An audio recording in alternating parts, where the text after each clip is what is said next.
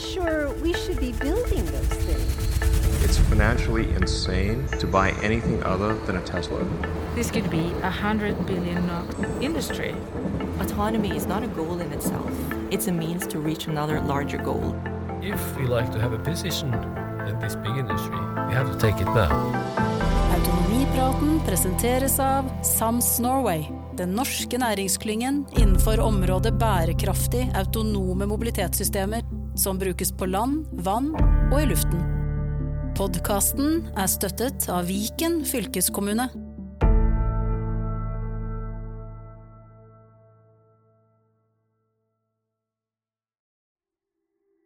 Hei, mitt navn er Eirik Newth, og jeg er astrofysiker og fremtidstenker. I 2013 publiserte forskerne Carl Frey og Michael Osborne en artikkel om autonomi og arbeidsliv som virkelig satte fyr i fremtidsdebatten. I The Future of Employment analyserte de over 700 ulike yrker og fant at 47% av dem var truet av autonomi. Mange tolket dette som et katastrofevarsel, og så for seg en fremtid der halve folket ble arbeidsledig. Men det forskerne faktisk sa, var at autonomi ikke utraderer arbeidslivet, men forandrer det på måter som ofte stiller oss overfor dilemmaer. For eksempel, mange truede yrker krever lav utdanning. I løpet av et par tiår kan selvkjørende lastebiler ha gjort sjåføryrket overflødig. Blir dette virkelighet, vil det bare i EU-sonen ramme rundt tre millioner arbeidstakere. Samtidig vil eldrebølgen ha skapt skrikende behov for arbeidskraft i helse og omsorg. Men å omutdanne sjåfører til hjelpepleiere er ikke gjort i en fei. For mange vil gapet mellom jobben de hadde og jobben de blir tilbudt, alltid være for stort. Det er her det nyanserte synet på autonomi og arbeidsliv kommer oss til hjelp. For det er ikke enten-eller. Ofte vil autonomi bli et tilskudd snarere enn en erstatning. I dag er maskiner bruksgjenstander, i morgen kan de være avlastende og støttende kolleger.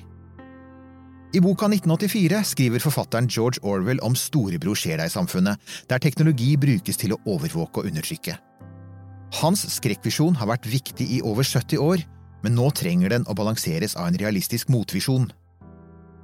Autonomi viser at teknologi også kan være frigjørende. Gjør vi i Norge de riktige valgene, kan vi gå fra storebror ser deg og til storebror hjelper deg-samfunnet. Ja, for som gammel storebror så vil jeg si at å hjelpe, det er tross alt storebrødres jobb nummer én. Hjertelig velkommen til uh, ny uh, autonomiprat.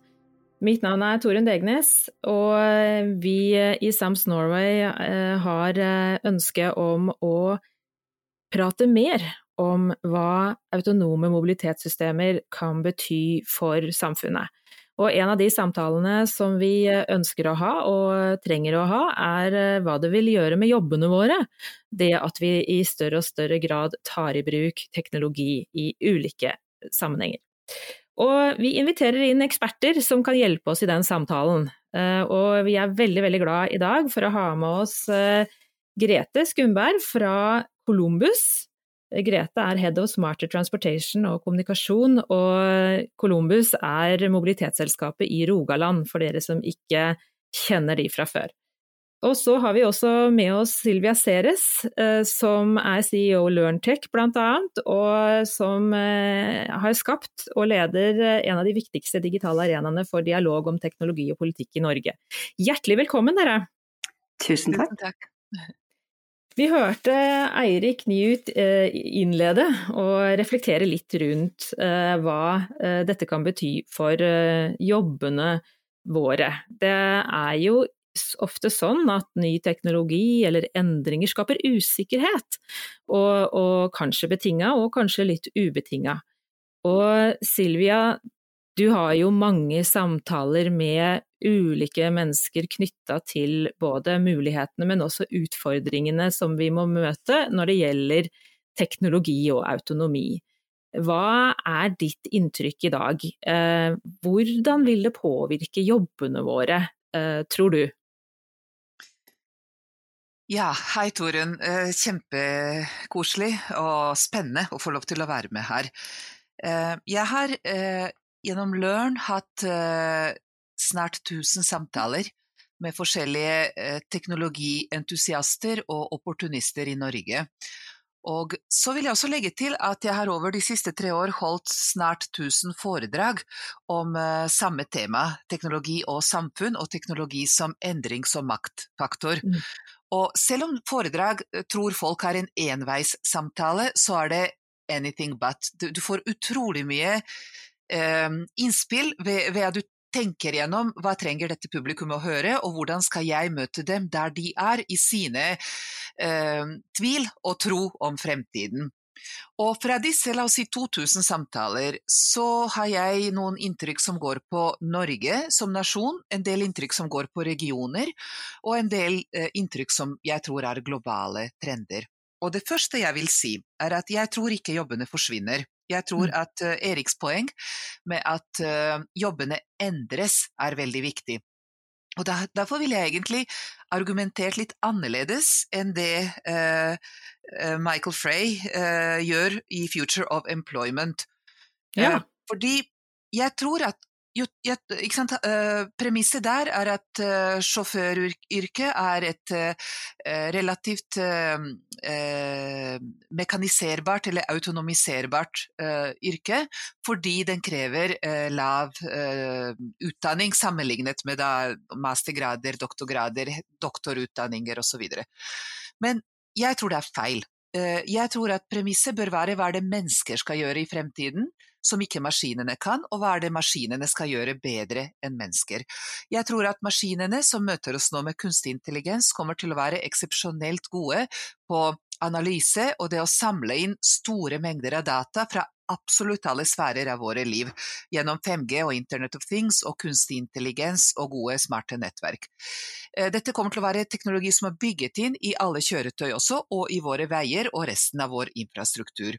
Men det mm. maskinene ikke kan gjøre, det er å foreta f.eks. For de nødvendige etiske valg, når eh, man må tilpasse kjøringen til to vanskelige valg som oppstår når du kjører rett mot en uh, ulykke som ikke man kan unngå på en uh, perfekt måte ved å f.eks. kjøre til side. Eller når, eh, hvis vi bygger inn kunstig intelligens i alle biler og lastebiler, så den aldri skal kjøre på et menneske som hopper foran den, så har vi det problemet med at eh, det blir forferdelig enkelt å rane lastebiler ved at noen bare kaster seg eh, foran dem på en motorvei. Hvis ikke det er et menneske i den bilen, og folk vet at den bilen klarer ikke å tenke med et menneskelig hjerne også, så går vi en fremtid eh, i møte hvor vi har gitt opp eh, definisjonsrollen på hvordan samfunnet skal utvikle seg, og all sånn definisjon går inn i algoritmer som bygges på andre siden av kloden.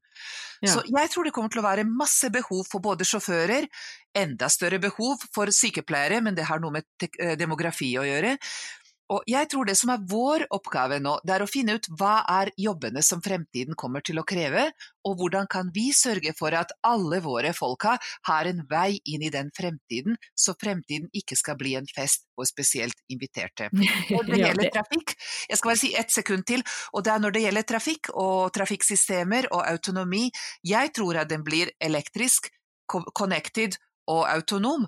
Uh, og det er masse muligheter i det, men det er muligheter, ikke trusler. Og det er sånn vi er nødt til å angripe det. Ja, Det er veldig veldig spennende, og det er mange viktige perspektiver her. Og Grete, dere jobber jo uh, med dette operativt i, dag, i, det, i, det, daglige, og også er et av de selskapene som har testa ut autonome busser veldig, veldig tidlig. Uh, er, det, er, du enig med Silje her, er det sånn dere også opplever det? Ja, det er ingen tvil om det. Jeg tror òg at veldig mange yrker kommer til å transformeres. Eh, og selvfølgelig at noen vil forsvinne, eh, og nye vil komme til. Men jeg tror nok at i det tidsperspektivet vi snakker om, eh, så handler det å ha den rette kompetansen Det er nettopp å være klar over hvilke nye yrker det er vi kan ta del i. Hvilken ny industri vi kan skape rundt dette, som gjerne blir det aller, aller viktigste for nasjonen Norge. Når det gjelder selve det operasjonelle i Columbus, så hadde vi vår første test i 2016. Eh, da kjørte vi i gang med den første piloten. Og da brukte vi mye tid på sjåførene som var redd for at de skulle miste jobben, eh, på å sørge for at de ble delaktige i det prosjektet vi hadde. Noe som gjorde at det kun var bussjåfører som hadde den jobben som vert om bord. Når vi nå har satt i gang nye piloter i enda mer krevende områder, så har det vært kø av sjåfører som har ønska å påta seg det oppdraget og være vert om bord. Og fordi de tar del i den nye teknologien, og så har de viktige innspill til teknologien, og viktige innspill til kjøretøyet, som òg er viktig inn i dette. Eh, mm. Så jeg tenker at vi må se mulighetsrommet, og ikke sette dette fryktperspektivet først. Og se hvordan kan en bidra inn, og se på det som en naturlig del av den utviklingen som vi er i. Eh, tidligere innenfor dette med autonomi, så i alle fall på dronesektoren, så sa han alltid at eh, en brukte droner der det var difficult, dark, dull eller dangerous. Eh, da er det positivt å bruke en teknologi til noe positivt, sånn som Silvia sier, istedenfor at en har dette fryktperspektivet og skrekkperspektivet ved en ny teknologi. Så mm. det å skape gode arbeidsplasser rundt, det å skape god industri rundt, og det å være delaktig i den prosessen som nå pågår innenfor autonomi, er der jeg tenker Norge må ta en mye større del. Ja. Og hva, hva, trenger vi å gjøre da, Silvia? Hva er det, det viktigste på en måte vi som samfunn bør, eh, bør jobbe med fremover for å, å være forberedt på, på, å få til denne positive endringen som, som nok mange kanskje vil være litt uh, ja, usikre på, eller yte litt motstand mot? Altså, Eh, Torunn, først har jeg lyst til å si at eh, jeg tror det høres ut som jeg er en eller annen sånn eh, Poliana, naiv teknologioptimist når jeg sier at dette er bare masse muligheter i. Og uh, det, det, er det første jeg uh, motsier når jeg holder mine foredrag, at det er kjempetrussel hvis ikke vi håndterer dette fort nok og bevisst nok. Uh, for da er det noen andre som kommer til å håndtere det for oss, og det er ikke noe gøy å bli omstilt eller utviklet på noen andre sine premisser. Så det å mm. sette premisser for denne endringen må vi som samfunn utvikle. Og, uh, og også bare for å svare Erik litt, vi må slutte å snakke om storebror. Eh, og, og, og, eh, og, tenke at eh, staten er egentlig en mor, tenker jeg. Og det er ja. en, statens sitt ansvar for å skape innovasjonsplattformer, nettopp sånne ting som SAMS er, hvor man samler data og stiller noen spennende missions-problemstillinger som retter oss mot en fremtid som er god for Norge. Men det, jeg hadde lyst til å henge meg på poenget til Grete om at sjåførene syntes dette her var faktisk ganske gøy. Mm. Fordi jeg tror at uh, uh, jeg hadde en uh, serie i Learn med Norsk Sykepleierforbund hvor vi snakket med ganske mange sykepleiere om teknologi og korona og fremtidig helse. Tilsvarende en serie med hjelpepleiere, altså helsefagarbeidere, om velferd og teknologi og kommuner. Og det som kommer veldig veldig tydelig gjennom alle samtaler, er at folk er kjempeflinke, veldig innstilte på å bruke den teknologien til å gjøre jobben sin enda mer effektivt, men de ønsker å bli involvert i teknologiutviklingen. Og de sier at teknologene kan ikke komme hit og levere masse løsninger til oss som egentlig ikke løser de problemene som vi må da gjennomføre der hvor skoen virkelig trykker. Mm. Så det å involvere de som kan yrket, som har erfaring, industriell forståelse, kløkt gjennom eh, et langt eh, arbeidsliv inn i den fremtiden som skal teknologiseres for oss, er helt nødvendig strategi. Og så var det en annen ting som kom veldig tydelig frem, og det er at de gleder seg til en slags rollesklidning, hvor det viser seg at i dag kan hjelpepleiere, altså paramedics, eh, diverse helsefagarbeidere, gjøre mer av det som før var forbeholdt sykepleiere. Sykepleiere kan gjøre mer av det som før var forbeholdt leger, osv. Og, og det er noe med at teknologien gjør oss sterkere. Og der hvor, ikke sant, eh, Grete nevnte dette med at roboter og droner eh, var tiltenkt bruk dirty, dull and dangerous, så ser vi på dem at det er heller en type eh, Eller det er i tillegg en type superkraftdrink, da. Som sant, Vi tar på oss superhansker, og så kan vi gjøre mye mer enn det vi kunne gjøre før. Og den modellen jeg gjerne vil at vi skal ha i hodet, det er å tenke på når Excel kom. Så sa først alle at nei, nå er det ikke noe mer jobber til stakkars folk i regnskap, for nå gjør maskinene alt men det ble bare mye mer strategisk arbeid å jobbe med regnskap eller finans.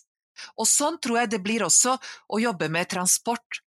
Rollen til de som da er sjåfører, eller er forvalter av infrastruktur, eller er innkjøpere, blir mer strategisk.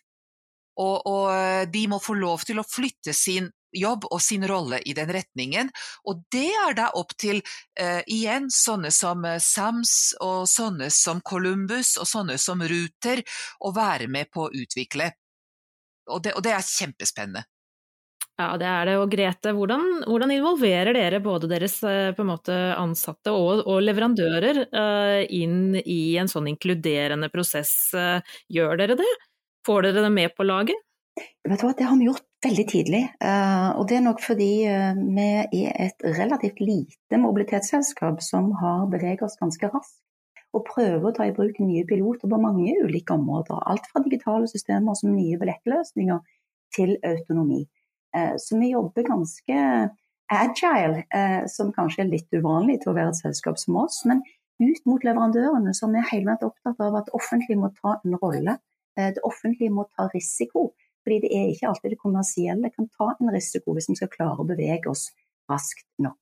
Så vi pleier å ha noe som heter dialogkonferanser og dialogmøter med næringen.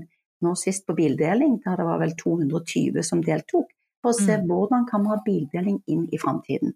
Det samme går på autonomi når vi skal sette i gang nye prosjekter. Så sitter ikke vi på kunnskapen, men vi kan være fasilitatoren. Eh, og da er SAMS og Nordic Edge og disse klyngene ekstremt viktige inn i det arbeidet. For der sitter dere på kompetansen og kunnskapen og kan da fòre og bidra inn til å gjøre gode piloter og lage gode systemer for å sette Norge litt på kartet, ikke bare i forhold til pilotering, men kanskje òg i forhold til utvikling. Og I mm. forhold til dette med, med eh, de som har de eksisterende yrkene i dag som kan forsvinne, jeg, jeg støtter Silvia veldig i det at det vil være en endring, og kanskje til det bedre. Eh, og igjen, der òg handler det om å se hva kan disse yrkene bestå av i framtiden. Det er klart En sjåfør eller en kaptein eller en pilot har utrolig sterk god kompetanse på akkurat det yrket de utøver i dag. Men de vil òg kunne ha en god kompetanse på å ha en type flåtestyring når det blir flere system som skal ut samtidig.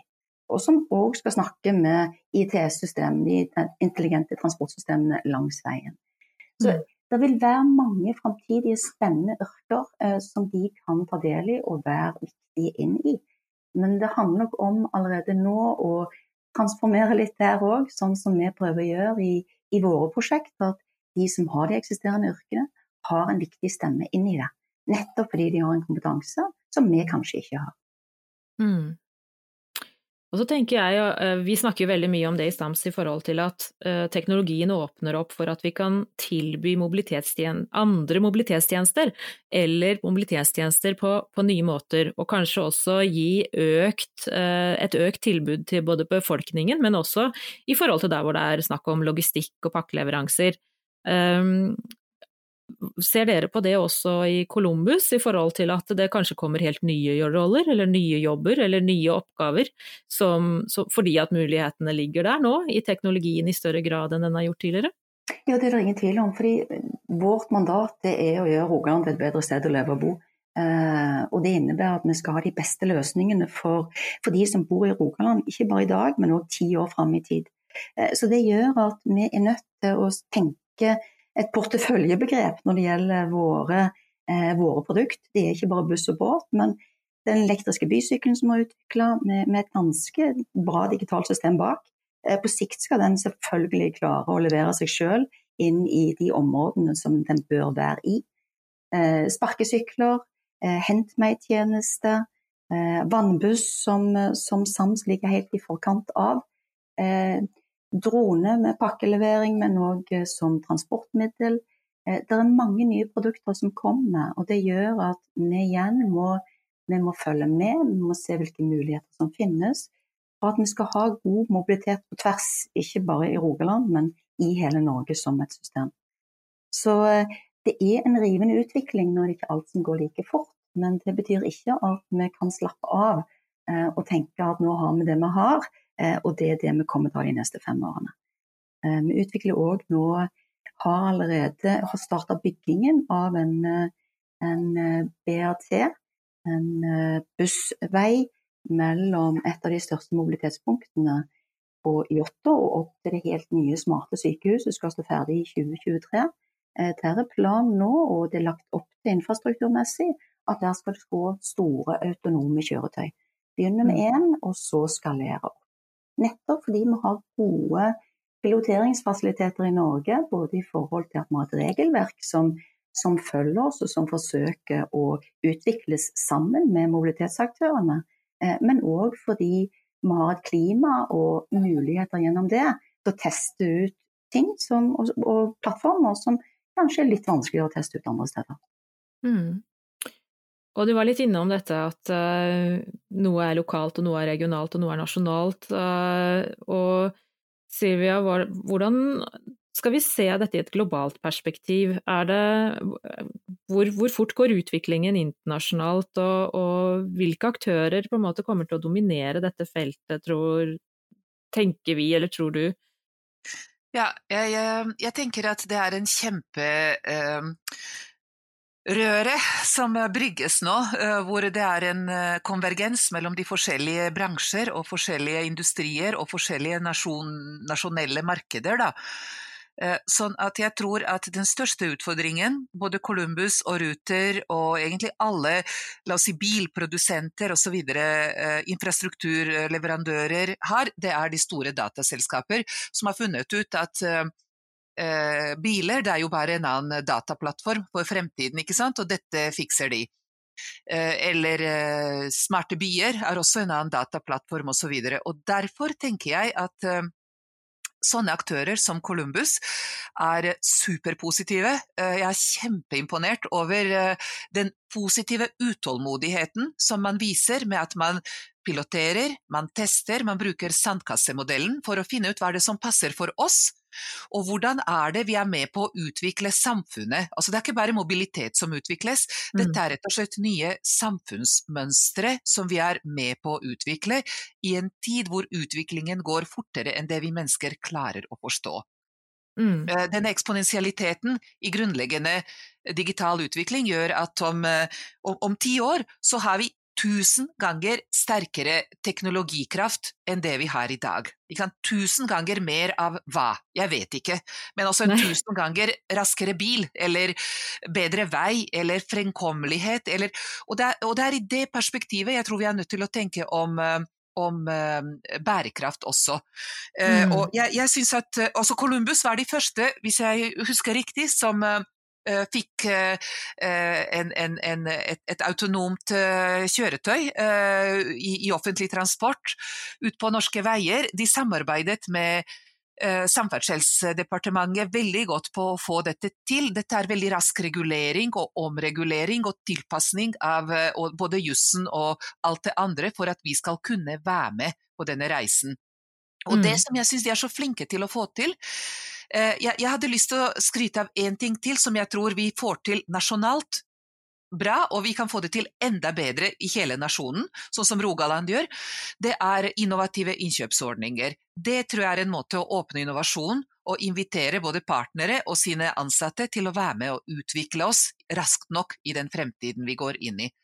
Og så tenker jeg at Norge må tenke selv på hva betyr bærekraft for oss, og hvordan skal vi utvikle vår mobilitet så den Eh, på en er riktig for oss. Altså mobilitet i eh, eh, Stavanger eller Oslo eller Los Angeles er veldig forskjellige saker. Det er fordi det er forskjellige behov. Og mm. jeg tror vi er nødt til å tenke regionalt, lokalt, på de riktige behovene, og så møte dem med bærekraft. Og bærekraft i mitt hode har tre farger. Den er ikke bare relatert til klima og karbonutslipp og på en måte eh, effektiv veibygging eh, med lite utslipp osv. Den er veldig relatert til eh, det grønne. Det er klima, CO2, natur, aspekter osv. Men den er også rød, og det er sosial bærekraft, som er inkludering, antipolarisering, et samfunn som får med seg barn i, i mobilitetsbildet, gamle osv. Og så er den blå, og den dreier seg om innovasjonsmusklene til et samfunn. Og det også mm. er eh, f.eks. Columbus kjempeflinke til å utvikle. Så jeg tror at Norge gjør ting veldig bra gjennom et rikt og kunnskapsrikt offentlig sektor. Så er spørsmålet, og så gjør vi det veldig bra i noen regioner, hvordan får vi dette her til å bli en helhetlig plan for hele Norge, og der gjør SAMS en kjempegod jobb. Og hvordan finner vi unike norske muligheter, gitt vår historie og vår geografi, sammenlignet med de store internasjonale dataaktører. Jeg tror at SAMS kan også støtte Norge med å lage en dataplattform for, som innovasjons plattform da, innenfor transport, og det ville vært et kjempespennende prosjekt å få lov til å følge med fra sidelinjer. da. Ja, det er jo kjempe jeg tar, den, jeg tar, den, utfordringen, Silvia, og så får vi snakkes nærmere om hvordan vi skal samarbeide og, og jobbe med det. Og det vil jo selvfølgelig vi trenge å gjøre i et nasjonalt perspektiv og, og som landslag. Um, og så har jeg jo lyst til å forfølge det litt grann, uh, i forhold til de store datahusene, og de store internasjonale teknologiselskapene. For, for vi har jo også i en tidligere podkast snakket litt om at uh, hvorfor jobber vi med autonomi i Norge? Vi har jo selvfølgelig behov for å ta det i bruk i produksjonen vår, for å på en måte gi bedre tjenester til, til befolkningen og, og gi eh, mer effektivisering i industrien. Men på årskonferansen til NHO sist så ble det jo også poengtert veldig tydelig at vi trenger nye arbeidsplasser. Vi trenger 250 000 faktisk nye arbeidsplasser. Og jeg har litt lyst til å høre fra dere begge to hvordan dere eh, ser at eh, autonomi og mobilitetsfeltet eh, kan være en arena hvor vi kan virkelig realisere dette, og da også i et eksportperspektiv. Har vi noe å, by på? Har vi noe å levere som kan skape nye arbeidsplasser eh, i Norge, eh, også som en eksportindustri? Utover det som selvfølgelig er veldig viktig også i den lokale produksjonen og, og, og tjenestetilbudet. Jeg vet ikke mm, Grete, snakker dere om det i Columbus? Ja, vi gjør faktisk det. Eh, og det er vel derfor vi er så opptatt av å ha et veldig tett samarbeid med næringslivet i alt det vi gjør. Eh, nettopp for å styrke landslaget Norge. Eh, jeg tror at når en tar et lite blikk inn mot olje- og gassindustrien og den eh, robotifiseringen som har vært der, og den utviklingen av roboter som har vært der, så det er mange paralleller en kan dra inn. Og se hvordan en kan videreutvikle dette innenfor andre arenaer og på andre segment.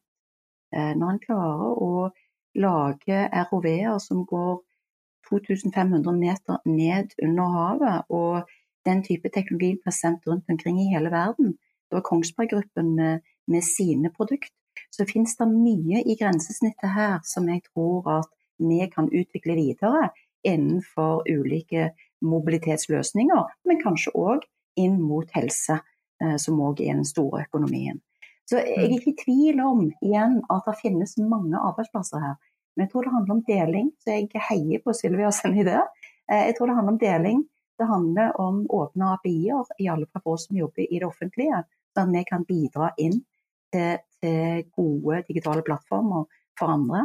Eh, og så handler det om å sørge for at vi får en grunnkompetanse. og Da gjør jo også Silvia Sams en kjempejobb, både med Learntech og med, med gruppen Sams for å synliggjøre hva er gapet her, hva har vi av kompetanse, og hva mangler vi av kompetanse. For ja, jeg er enig, det er en røre der ute nå.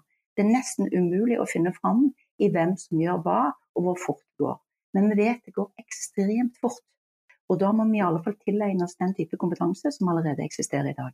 For å se hva kan vi henge oss på, og hva kan vi kanskje se som en nisje for oss sjøl. Vil du supplere, Silvia, ut ifra også LearnTech-plattformen er vel kjempeviktig nå i forhold til at eh, alle trenger vi å lære noe nytt, eh, egentlig på alle nivåer i samfunnet, og i alle, alle innbyggere av Norges ja. land, tenker jeg. Ja, jeg tenker at en sånn læringsglede, ikke sant, hvor ja. det å si at dette her må jeg lære litt mer om, går fra å være et tegn på svakhet og utilstrekkelighet til å bli et tegn på fremtidsmot og vilje. Det, det håper jeg at vi gjør som et, måte, som et felles eh, nasjonalt prosjekt. Um, og at læring er litt sånn snacksing, akkurat sånn som dere gjør nå via denne podkasten, og sånn som vi gjør gjennom Learn, at det er Spotify-greia mer enn et uh, universitets-MBA-greie, ikke sant.